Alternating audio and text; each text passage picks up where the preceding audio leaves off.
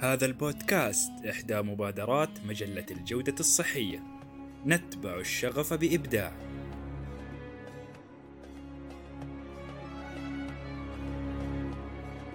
في البداية وقبل كل شيء شكرا لكم جميعا على تعليقاتكم ودعمكم وتحفيزكم على الحلقة الماضية.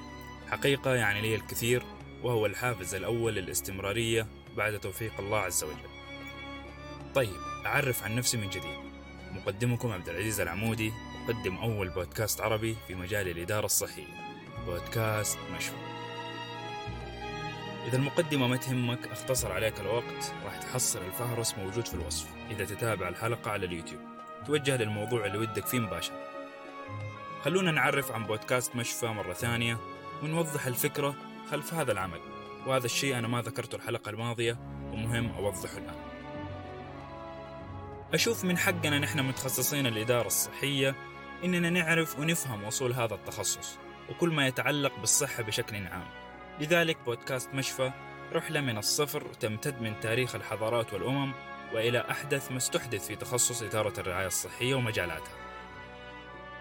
وهذا كله ممزوج ومتداخل مع بقية التخصصات الطبية والصحية الأخرى. لذلك بودكاست مشفى للجميع وليس مقتصر فقط على الإدارة الصحية. وضروري أنوه أن حلقات هذا الموسم عامة. تعطي تصور عام عن الحضارات وبيئتها الصحية بشكل عام. بالنسبة للإدارة والاقتصاد والسياسة راح يكون لها حلقات منفصلة لأن هذه الحلقات راح تتعمق في تخصص الإدارة وبكذا راح ينتقل البودكاست من رؤية عامة إلى توجه أكثر تخصيص. وهذا هو الهدف إنه نبدأ بتصور عام ويكون عندنا مفهوم شامل وبعدها نتعمق وهذا الشيء ضروري جدا لمعرفة أساس الإدارة والصحة. لذا إذا أنت مهتم تعرف كيف بدأت المستشفيات والأفكار حولها السجلات الطبية ومن أول من دونها أول مستشفى في التاريخ أول العيادات الخارجية أول من سن القوانين في البشرية وغيره يعني من الأصول المهمة في فهم أساس هذا الكيان الإداري الصحي والطب الضخم. حتى موضوع إدارة الموارد كيف بدأت كيف نشأت وإيش هي الكفاءة والجودة كل هذه الأمور أساسها الماضي. عن نفسي أنا مهتم بهذا الشيء صراحة. إذا أنت مهتم هذا البودكاست موجه لك. الزبدة أنا طولت المقدمة. خلونا الآن نرجع تكة بالزمن قبل الفراعنة اللي تكلمنا عنه من الحلقة السابقة. إذا ما شفت الحلقة الماضية ضروري تروح تشوفها. وحلقتنا اليوم ما راح تختلف عنها وراح تكون مليئة بالمعلومات القيمة. موضوع حلقتنا الثانية بعنوان مستشفيات بلاد الرافدين العراق القديم يلا نبدأ.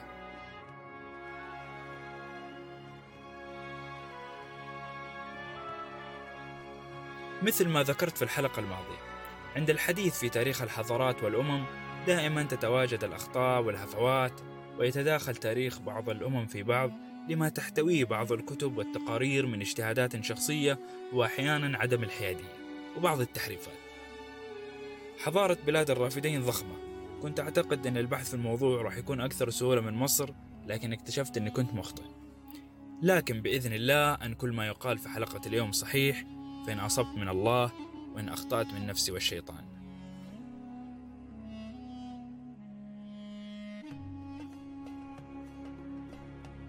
بس ليش البحث في حضارة بلاد الرافدين صعب؟ لأنها ما كانت حضارة واحدة بل تواجد فيها عدة حضارات وكلها كانت تؤثر في بعضها. وكانت الممالك تتطور جنبا إلى جنب وكانت فترة مليئة بالصراعات والتفكك والنزاعات.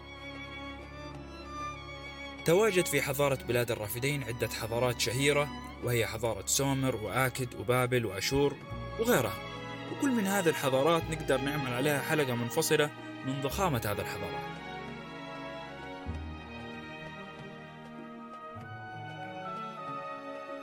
بالرغم مما حدث في بلاد الرافدين من قيام وانهيار للإمبراطوريات فقد كان هناك كتبة وموظفو دواوين ناس تدون.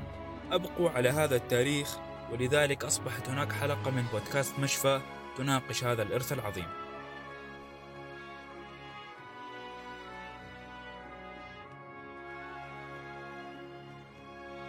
خلوني آخذكم في جولة سريعة عن أهم اختراعات واكتشافات حضارة بلاد الرافدين أحد اختراعاتهم أنهم هم من طوروا استخدام النظام الستيني في العد.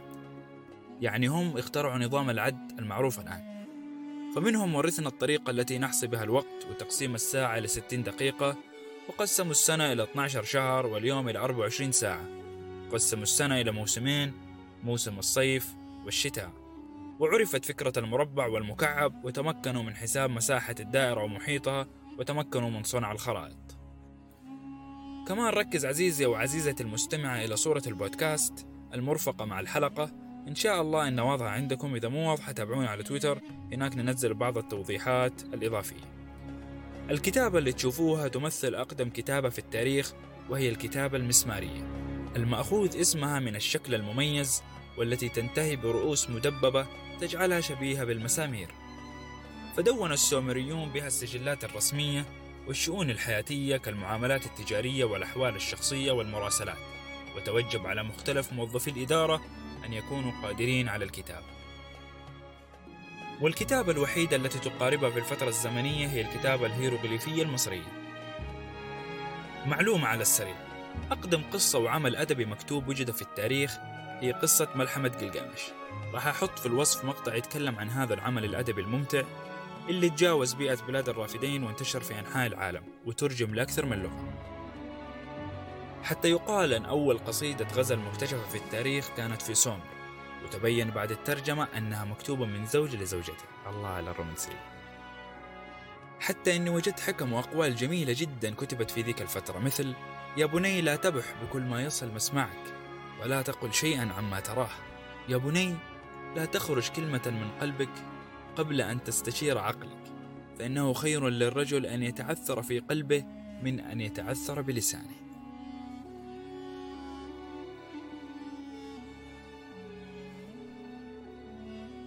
من المهم جدا أن نذكر أن الإسهام الأكثر أهمية لبلاد ما بين النهرين في عالمنا الحديث يتمثل في بلورة وابتكار وبناء مفهوم المدينة والدولة بشكل أوضح عن غيرها من الحضارات. وهذا الشيء أدى إلى نشوء النظام الإداري. وبعد ذلك ظهرت الممالك ومن ثم الإمبراطوريات. وتواجد وتأسيس المدن لأول مرة أدى لظهور الاقتصاد والسياسة. ووجد العلماء نصوص قديمة متبقية من المدن السومرية ولاحظوا وجود العديد من المهن والحرف التي مارسها النساء والرجال. والأهم هو تواجد مهن مثل مهنة الطب والتعليم والكتابة ومهن إدارية وقيادية. من المهن الإدارية والقيادية رؤساء البلديات مدراء المعابد والمكاتب ومشرفين الأشغال. يعني نقدر نقول أن تخصص الإدارة والسياسة والاقتصاد واحدة من أقدم التخصصات في التاريخ وظهرت مع أوائل حضارات العالم مثل حضارة بلاد الرافدين. وراح نخصص الموضوع الإدارة والاقتصاد حلقات منفصلة بإذن الله مثل ما ذكرت.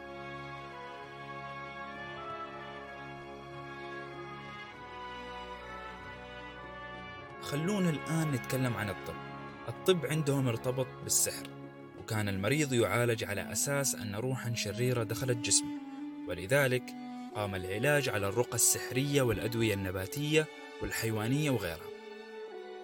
لم يعرف السومريين والأكاديين الطب وعلومه لأنهم استخدموا الطب السحري والعقاقير فقط ولم تكن هناك إشارات لذلك إلا ما ندر. ولكن في العصر البابلي والأشوري ظهر الطب وبشكل واسع خصوصا مع حمورابي اللي راح نتكلم عنه خلال الحلقة. وارتقت الصناعة الطبية في أشور وكان معظم أدويتهم زيت الزيتون وشراب التمر والعسل. وهنا غالبا ما كانت تجري العمليات على العيون مما يشير بانتشار هذا المرض بكثرة في بلاد الرافدين يعني مثل مصر. وتم العثور على رسائل قديمة تؤكد عظمة أطباء بابل وأشور ومنهم تم استدعائهم لمعالجة أناس في البلدان المجاورة. كان الطب في أول عهده بسيط ومحدود وساذج يعتمد على التمائم والرقي ويكاد يكون من عمل الكهنة وحدهم وبمرور الزمن بدأ يأخذ ميدانا مستقلا إلى أن نشأت عندهم مهنة الطب. لجأ الأشوريين إلى الجراحة في طبهم ولكن معرفتهم بالتشريح كانت بدائية بل أكثر بدائية من المصريين القدماء. لاعتبارهم التشريح من المحرمات الدينية. وقد جاءت معرفتهم من تقطيع وتشريح الكبد والرئتين في الحيوانات لأغراض عقائدية مثل تقديم القربات وأيضا إعداد الطعام. أما فيما يخص التشريح البشري فإنه عرف الكثير من النواحي التشريحية من ملاحظة مظاهر الجسم وازدادت معرفته بملاحظة ما كشفت عنه جروح الحروب ومن مقارنة المعلومات التشريحية في الحيوانات مع شبيهتها في جسد الإنسان. اعتقد البابليون أن الكبد هو مصدر حياة الجسد المادي والروحي ويعزى سبب تعمق البابليين في دراسة الكبد إلى اعتقادهم بأن هذا العضو يسيطر على سائر أعضاء الجسم وأنه رئيسها كلها. ولو جينا الآن في وقتنا الحالي فعلا الكبد واحد من أكبر وأثقل الأعضاء في الجسم وينظم تخثر الدم يحمي الإنسان من التجلطات يقاوم الالتهابات يزيل البكتيريا من الدم ويرسل الجلوكوز للدماغ. رؤية أول الحضارات في التاريخ للكبد لا تختلف عن رؤيتنا اليوم. عندنا في اللغة العربية لما يقول لك يا فلذة كبدي هذا يوضح أنه حتى العرب كانوا مهتمين بهذا العضو لدرجة ضرب الأمثال فيه. وحتى مسمى كبد بالإنجليزي liver مأخوذ من اللاتينية lifer ف liver جاية من life الحياة. بإذن الله راح نخصص حلقة مستقبلا عن المصطلحات الطبية والصحية وأصولها ومعانيها. ما عليكم طريق طويل قدام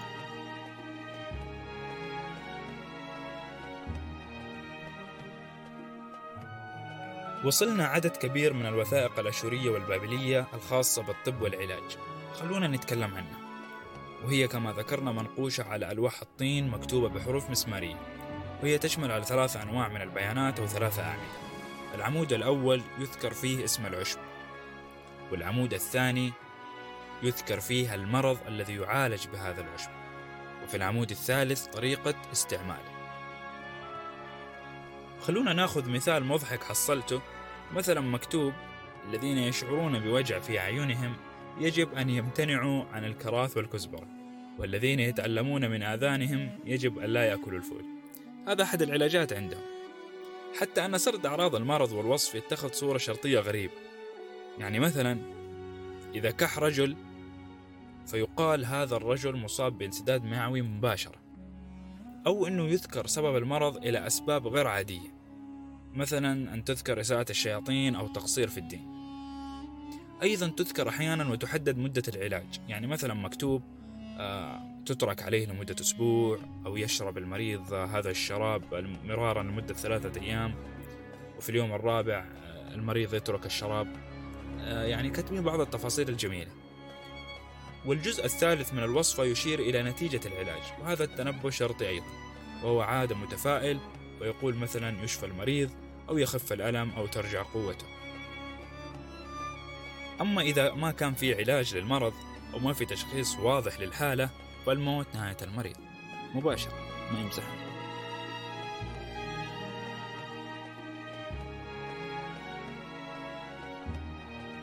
لم يخلو الطب من مرحلته السومرية والأكادية من ملامح متخصصة في المجالات المختلفة. لكنه كان في المرحلة البابلية أشد وضوحا في هذا المجال وعلى مستويات عديدة. فالأطباء تميزوا إلى ثلاثة أنواع طبيب العيون والجراح والطبيب البيطري. وقد ظهرت كذلك التخصصات الدقيقة عند الأطباء الممارسين لمهنة الطب في حضارة بلاد الرافدين. يعني مثلا فيه الواصف. من هو الواصف؟ عبارة عن كاهن ملم بقدر يسير من الطب وغالبا ما يكون أول من يستدعى لزيارة المريض. دوره فقط تشخيص المرض وقراءة بعض الأدعية والرقي ووصف الأدوية البسيطة. في كمان الأسو أو الأسى الذي يتولى الجانب المادي في العلاج فهو الذي يؤكد تشخيص الواصف أو ينفيه وهو الذي يصف الدواء وكيفية تحضيره ومقدار جرعته وطريقة تعاطيه وهو الذي يلازم المريض لحين شفائه. أو يستدعي الجراح إذا لزم الأمر. حتى التخصصات الدقيقة موجودة آنذاك مثل الآسوجلو وهو بمثابة نقيب الأطباء أو جليل الأطباء. أيضا الآسوجلاتو أي نقيبة الأطباء جليلة الأطباء. أخيرا القابلة الساب أسي أي العارفة بأمور الرحم ومختصة بتوليد النساء وهي التي ظلت منفردة بهذا الاختصاص لكن بعد ذلك شاركتها الأسية اللي هي الطبيبة.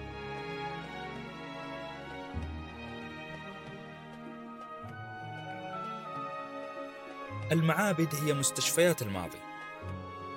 مارس الأطباء عملهم بالمعابد فعالجوا المرضى في تلك الأماكن ولكنهم ذهبوا أيضا للمنازل. خصصت بعض المدن لتدريب الأطباء مثل مدينة آيسن واللي كانت مركز لعبادة الإله غولا اللي راح أذكرها بعد شوية. وكانت المعابد في وادي الرافدين هي المراكز الأولى التي نشأت فيها العلوم والمعارف الدينية والدنيوية. وكان الكهنة يمتلكون المعلومات الطبية وبالتالي يمارسون الطب وكانت بعض المعابد تحتوي على مدارس طبية معروفة. كما أن هناك لوحة طبية وجدت ولعل أهم ما في هذه اللوحة هو أن ما فيها من وصفات ومعالجات خالي من ذكر الأرواح والسحر والتعاويذ وهي تعتمد كليا على المادة في التطبيب. وفي ذلك رد لما ألصق بالطب القديم في وادي الرافدين بكونه مبني فقط على السحر. طبعا في اختلاف كبير في هذا الموضوع إنه هل طب بلاد الرافدين كان قائم على السحر أو لا؟ حقيقي ما نعرف بحث كثير في الموضوع والموضوع جدا يعني كبير وصعب وفيه تعارض واضح وتناقضات كبيرة جدا.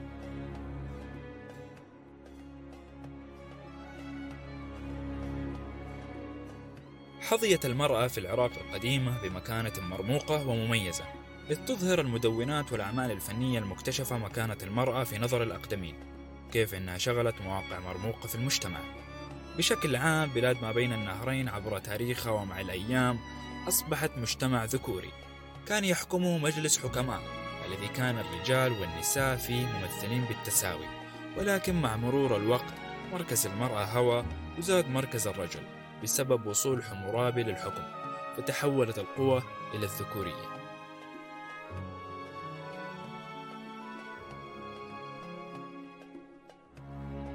شريعة وقوانين حمورابي هل هو الإداري الصحي الأول في التاريخ أو لا؟ أنا حمورابي التقي الذي يخشى الإله جئت لأوطد العدل حتى يسود الأرض لأقضي على الخبيث والشر لكي لا يستعبد القوي الضعيف ولكي أعلو كالشمس فوق ذوي الرؤوس السود شريعة حمورابي أو قوانين حمورابي هي مجموعة قوانين بابلية يبلغ عددها 282 مادة قانونية سجلها حمورابي سادس ملوك بابل على صخرة أو مسلة أسطوانية الشكل بطول مترين. وهي أحد أقدم القوانين التي تم اكتشافها في التاريخ. شوفوا شكل المسلة موجودة في صورة الحلقة. لم تكن تشريعات حمورابي الأولى من نوعها. وقد سبقتها عدة محاولات للتشريع دونت في سومر لأحد الملوك. فما حد يدري وش أقدم قانون مسجل في التاريخ. خلونا على حمورابي. لأنه الأوضح. لقد تولى تجميع وتسجيل هذه القوانين في عهد حمورابي عدد من رجاله القانونيين والإداريين وتعد شريعة حمورابي من أعظم الوثائق التي أمدتنا بالمعلومات الطبية في ذلك الوقت. تولى حمورابي نشر العدل والمساواة في بلاد ما بين النهرين ووضع التشريعات القانونية لحفظ أمن البلاد ورعاية حقوق المواطنين وكان يعرف باسم صانع القانون. كتب فيها 282 مادة قانونية على حجر الديورايت الأسود. القوانين تعالج مختلف القضايا الاجتماعية والاقتصادية والمدنية والعسكرية موضحة حقوق الفرد وواجباته وحقوقهم في المجتمع كل حسب وظيفته ونشر الحق والعدل والمساواة. قاعدين نتكلم عن قوانين دونت قبل خمسة ألاف سنة من اليوم. قوانين محكمة كانت تضم القانون المدني والأحوال الشخصية قانون العقوبات والأحكام القانونية كمبدأ التعويض والقصاص. وكان يتم تعديل بعض القوانين وإضافة القواعد التي تتطلبها المرحلة الجديدة التي تمر بها الإمبراطورية. ركزوا في صورة الحلقة.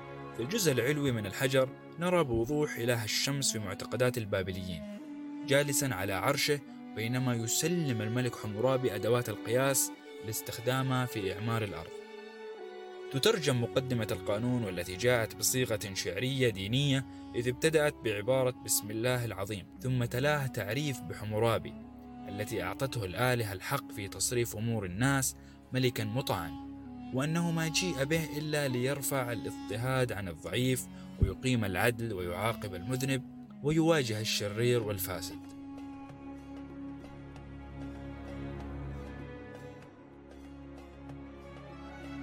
صنفت شريعة حمورابي الناس إلى أربعة طبقات طبقة الأحرار والكهان اللي هم السحرة والأتباع والعبيد. فيما تضمنت نصوص الشريعة معظم فروع القانون التي نراها حاليا في الوقت الحالي قوانين للعائلة والزواج وتنظيم الإرث والتبني وتنظيم عقود البيع والشراء. أما العقوبات فقد اتبعت مبدأ لا يزال ساريا حتى اليوم إنه مبدأ العين بالعين. حيث ذكرت عقوبات رادعة يتعلق بالقتل والسرقة وقطع الطريق والضرب وإلحاق الضرر بالمزروعات كما حدد القانون مسؤولية الطبيب تجاه مريضه والعامل تجاه رب عمله. حتى كانت تحدد الأجور والإجازات كان العامل له ثلاثة أيام شهريا للراحة. تتتابع بنود القانون في شكل محكم ومبهر من الناحية التنظيمية حيث أنه لا يترك مجالا لأحد أن يدعي على أحد بالباطل إذ يتعين فيه على مقدمي الاتهام توفير دليل على اتهامهم وإلا تعرضوا لعقوبات قاسية. قد قام حمورابي باتباع سياسة مركزية تعتمد على سلطته دون أي تدخل من قبل الكهنة وتتركز واجباته في حفظ الأمن والاستقرار والإشراف على تنفيذ المشاريع العامة والمحافظة على أمن وسلامة طرق المواصلات إضافة إلى مسؤوليته المباشرة عن إدارة المقاطعات والأراضي الملكية. وكان حمورابي على اتصال دائم بحكام أقاليمه. وموظفيها يوجههم ويبعث إليهم بالتعليمات التفصيلية في مختلف القضايا كبيرة وصغيرة. وفي عصره دونت العلوم فانتقلت الحضارة من بلاد الرافدين في العصر البابلي إلى جميع أنحاء العالم.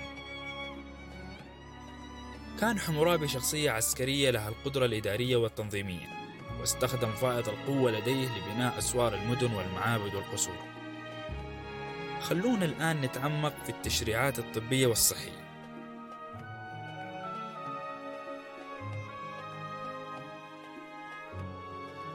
بينت لوحة حمورابي عدة فقرات متعلقة بدستور مهنة الطب آنذاك. فنظمت صناعته وجعلت المسؤولية تقع على عاتق الأطباء عندما يرتكبون الأخطاء. وكذلك فرضت عقوبات على المرضعات اللاتي يقصرن في عناية الأطفال. مما يؤكد أن هذه الشعوب كانت تدرك مسؤولية الطبيب الإنسانية نحو مريضه وضرورة الاهتمام بعلاجه والاعتناء به المواد القانونية التي وجدت في مسلة حمورابي ذكرت الطب والطبيب وهي من المادة 215 وحتى المادة 223 أي أن ثمانية مواد قانونية أشارت إلى الطب والصحة بشكل عام. هذه المواد تعتبر من بين أقدم القوانين الطبية في الوجود. مسؤولية البابليين الطبية كانت متفاوتة حينها وقتها لم يكن الكاهن أو الساحر تحت المسؤولية لو أخطأ في علاج المرضى ليش؟ لأنهم يتعاملون بالسحر. لكن كانت تقع العقوبة على الطبيب الجراح الذي فشل في أداء مهمة علاجه وجراحته للمرضى والمصابين. لأنه يعمل بيديه لا بالقوة السحرية. وتظهر هذه المواد أيضا مقدار المكانة الرفيعة التي كان فيها الطبيب في المجتمع العراقي القديم. وفي الوقت نفسه تفيدنا بمقدار العقاب الذي قد يقع على الطبيب المهمل أو المقصر. كما نظمت شريعة حمورابي أسعار الخدمات الطبية وأجور الأطباء. فمثلا إذا قام طبيب بإجراء عملية جراحية فإن أجره يتراوح وفقا للطبقة التي ينتمي إليها المريض وتبعا لنوعية العملية. وكان الأجر الذي يتقاضاه الطبيب في العادة يتراوح بين قطعتين نقدية للعبد وعشر قطع للإنسان الحر. أما إذا مات المريض تحت يد الجراح أو تعرضت عينه للفقدان أو التلف فالويل للطبيب الذي تحكم عليه شريعة حمورابي بقطع اليد التي أجرت العملية وأخطأت فيها. والغرض من قطع يد الطبيب هو منعه من اقتراف خطأ آخر في المستقبل ولكن يرجح في الغالب بأن هذه العقوبة لم تكن تقع في غالب الأحيان إذ كان يحل مكانها الغرامات المالية. وقد ورد في الشريعة الطب البيطري أيضا لكن الطبيب البيطري كانت أموره طيبة من نظيره البشري. وإذا قتل حيوان ما يتوجب عليه دفع مبلغ من المال تبعا لما جاء في البندين 224 و 225 من الشريعة التي دشنها حمورابي معلومة إضافية الطب البيطري ذكر أيضا في البرديات الطبية لقدماء المصريين مثل بردية كاهن والتي وصفت الأنشطة البيطرية وذكرناها الحلقة الماضية. قام أحد الملوك فيما بعد بنقل الحجر. بعد ما غزا بابل وقام بمحو بعض من جمل الحجر استعدادا على ما يبدو لتدوين اسمه. لكنه تراجع عن ذلك بسبب اللعنات الكثيرة الموجودة في نهاية القانون والتي تتوعد كل من يتجرأ على القانون بتعديل نصوصه أو العبث به.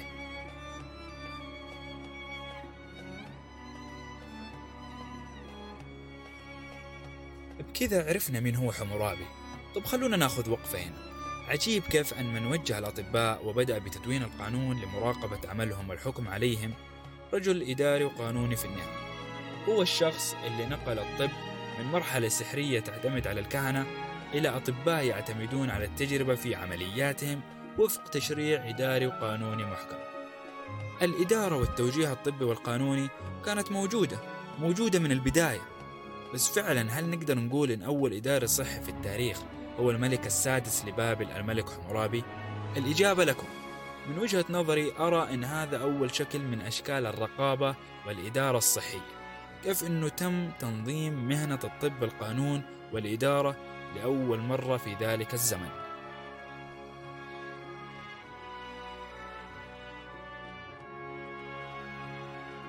مثل ما قلنا كان الطب في البداية في يد الكهنة ولكن أخذت تدريجيا شخصية الطب تتميز من شخصية الكاهن أو الساحر.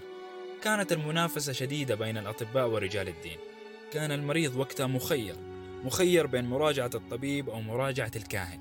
فالمرض مثل ما ذكرت عقاب تفرضه الآلهة ولا يلغى إلا بالأدعية والصلوات والتعاويذ ولكي يتحقق الشفاء يجب أن يعقد الطبيب الصلح بين الإله الغاضب والمريض وأن يعمل على طرد الشياطين من جسمه.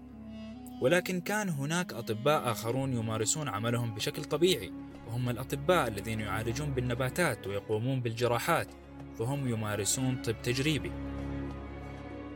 وقد خرج علاج المرضى من يد الكهنة وسيطرتهم من أيام حمورابي كما ذكرت ونشأت مهنة منتظمة للأطباء ذات أجور وعقوبات يحددها القانون الطبي.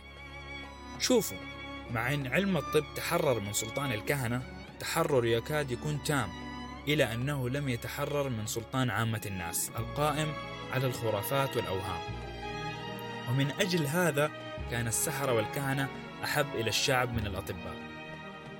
وكان أكثر ما يعالج به المريض هو تلاوة العزائم وأعمال السحر والصلوات.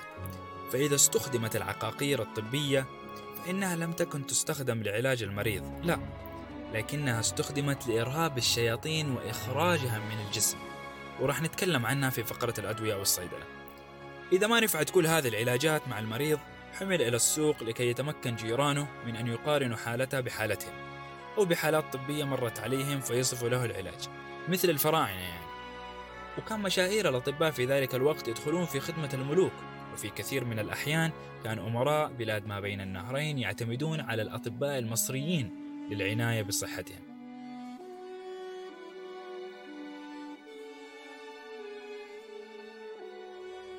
خلونا الآن نتكلم عن الصيدلة والدواء فهي أقدم المهن الصحية على الإطلاق. لابد أن تكون صناعة الدواء ملازمة لظهور الإنسان حيث كان يجول مع المخلوقات يبحث عن الغذاء بين النبات والحيوان. في الحقيقة الإنسان في أول نشأته كان زراعي ولا بد أنه قد لاحظ بعض الخواص خواص ما قد رزقه الله من النباتات التي كان يأكلها. اعتقد العشابون الأوائل في بلاد الشرق في سومر وبابل أن مهنة الصيدلة والدواء مقدسة أنشأها الآلهة الذين علموا الإنسان ما لم يعلم من الخواص الشفائية للماء والأعشاب. ومن هنا خلال آلاف السنين نشأت هذه العقيدة وأن هؤلاء الآلهة أنفسهم قد عملوا بمهنة الزراعة قبل أن يخلق البشر وأن هؤلاء الآلهة هم الذين أوحوا للبشر بما في علمهم. وكان البشر يعتقدون أن الأعشاب الطبية ما هي إلا رسالات عن الآلهة وأن بعض العقاقير النباتية الشافية كانت تحوي بعض ما في روح الآلهة. في الحقيقة هذا الكلام نسبيا صحيح وتحديدا ما جاء في ديننا الإسلامي حيث أن الله عز وجل هو من علم آدم عليه السلام الزراعة لما نزل جبريل عليه السلام ومعه حبوب القمح وهي أول ما زرع في التاريخ. فسبحان الله لو نظرت في تاريخ الحضارات والأمم والأساطير القديمة راح تجد ترابط عجيب في المعتقدات والأفكار. المهم وبدأ العشابون يكتبون علومهم على لوحات الطين بالخط المسماري وكانت في الغالب تحوي وصفات امتزج فيها السحر بالعشب. وكان عندهم أن كل داء يعالج بنبات أرضه. وكذا كان أطباء البابليين يبحثون عن الدواء في أعشاب أراضيهم وحيواناتهم. وهكذا توارثت الأجيال مشاهدات السلف. اكتشف علماء اليوم أن عددا كبيرا من هذه الأدوية هي مواد كريهة الرائحة مثيرة للإشمئزاز. يقصد من استعمالها إزعاج الشياطين المسيطرة على المريض وبالتالي ابتعاد الشيطان عن الإنسان. وهي ستعمل على شكل مشروبات غاية في المرارة أو تبخيرات كريهة في غاية القذارة وقد سمي هذا الفرع اسم الصيدل الوحلي. وبذلك يعتبر عشابين بلاد الرافدين من أوائل من اشتغل في تحضير الأدوية والعقاقير كذلك هم من أوائل من أنشأ دكاكين للصيدلة.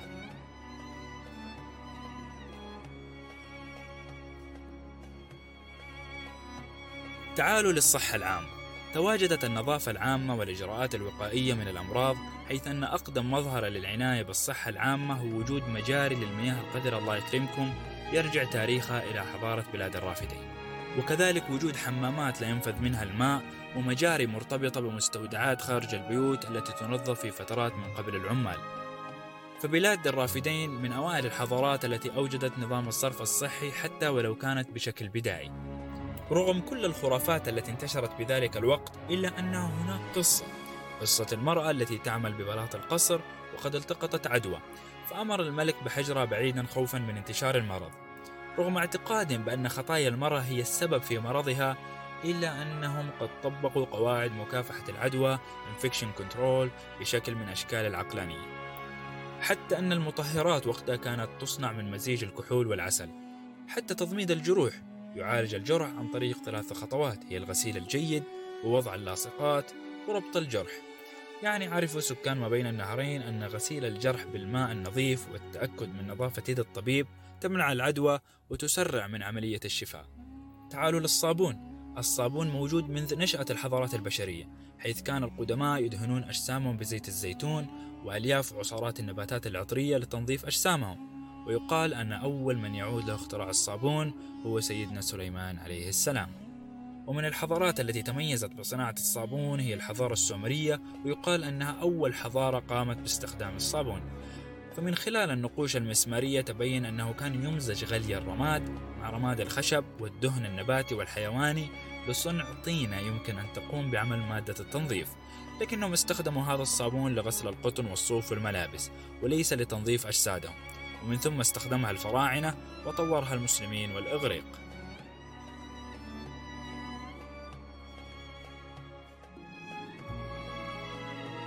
الميثولوجيا الرافدية. أو أساطير بلاد الرافدين. أعرف أنه في عدد كبير محب لقراءة الديانات والآلهة لما لها من طابع مؤثر في الناس وتعطينا تصور واضح عن مجتمعاتهم ولما لها من اتصال ببقية الشعوب. عشان كذا أنا أحب أظهرها في حلقات بودكاست مشفى. طبعا نحن ما نؤمن فيها وأذكرها فقط عشان تكون الحلقة متكاملة من جميع الجوانب. طيب خلونا نمر على آلهة الطب عندهم. في البداية كان عندهم آه إله الطب الأكبر وهو الإله آية. في أيضا نرجال أو نرجال صورت التراتيل والأساطير على أنه إله للحرب والوباء. فيه أشور الإله أشور يقال أنه إله الحياة. قولة إلهة الصحة والشفاء وشفيعة الأطباء والصيادلة في المجتمع السومري. وكانت تلقب بالسيدة الطبيبة العظيمة يقال كان لها كلب بجانبها عثر على هياكلها العظمية مدفونة وكان يتم تقديس الكلاب لأجلها. وفي نص مسمار يتضمن وصفا لقولة على لسانها تقول أنا الطبيبة أعرف كيف أشفي إنني أحمل معي كل الأعشاب وأنا أملك حقيبة ممتلئة بالتعاويذ الفعالة وأحمل معي نصوصا عن الشفاء. وبنيت لها معابد كثيرة وعبدت وقدمت لها القرابين. على فكرة لها فوهة باسمها في أحد أقمار كواكب المشتري وحتى نرقال له فوهة. أخيرا والمثير للاهتمام جدا. ننكش زيدة إله الشفاء.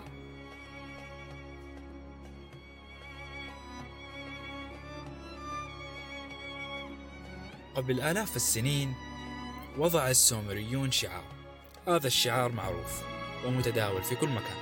وأنا متأكد أنكم شفتوه في يوم من الأيام كان في الجامعات والمستشفيات والصيدليات. هذا الشعار وبكل بساطة يتمثل بثعبانين يلتقيان على عصا.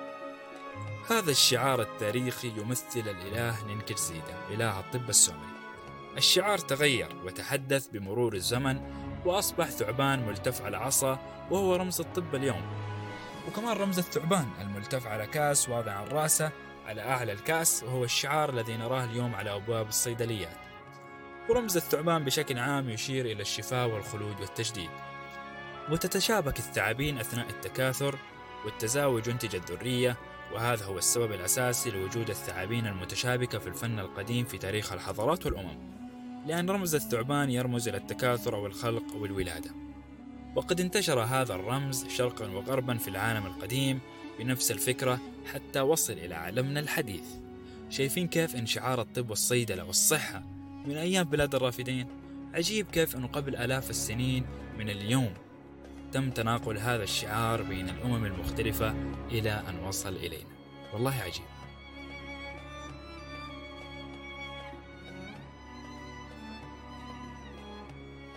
وبكذا انتهت حلقتنا لليوم. أتمنى إنها نالت على إعجابكم واستحسانكم ورضاكم. وإنكم استفدتوا منها ولو معلومة بسيطة. وبكذا أخذنا جولة عامة على القطاع الصحي في بلاد الرافدين العراق القديم. لا تنسوا تتابعونا على مواقع التواصل الاجتماعي. أحيانا ننزل معلومات إضافية هناك. نشوفكم على خير وفي أمان الله.